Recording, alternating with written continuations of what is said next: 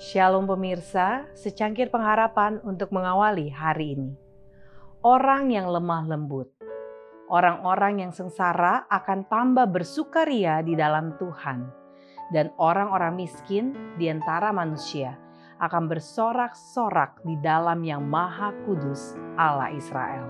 Yesaya 29 ayat 19. Kelemah lembutan adalah anugerah yang berharga rela menderita tanpa berbicara, rela menanggung pencobaan.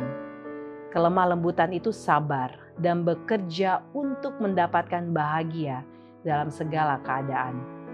Kelemah lembutan adalah selalu bersyukur dan membuat nyanyian kebahagiaan tersendiri, membuat melodi dalam hati kepada Tuhan.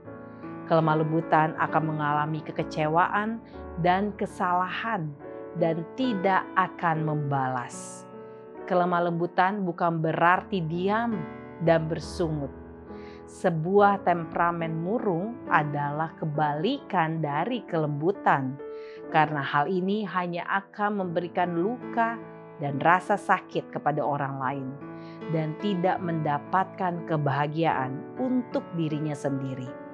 Testimonies for the Church jilid 3 halaman 335. Jiwa yang lemah lembut dan tenang tidak akan pernah mencari kebahagiaan untuk dirinya sendiri, tetapi akan menyangkal diri dan menemukan kepuasan manis dan kepuasan sejati dalam membuat orang lain bahagia. Testimonies for the Church, jilid 3 halaman 336 penebus dunia ini mempunyai sifat yang lebih agung daripada malaikat. Namun disatukan dengan keagungan ilahinya adalah kelemah lembutan dan kerendahan hati yang menarik semua orang kepada dirinya.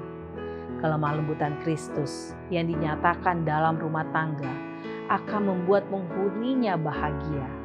Itu tidak menimbulkan pertengkaran, tidak memberikan jawaban marah, tetapi memenangkan watak yang menjengkelkan dan menyebarkan suatu kelembutan yang dirasakan oleh semua dalam lingkungannya yang menyenangkan. Ke mana saja dihargai, itu membuat keluarga-keluarga dunia sebagian dari satu keluarga besar yang di atas. Khotbah di atas bukit halaman 24 dan 26.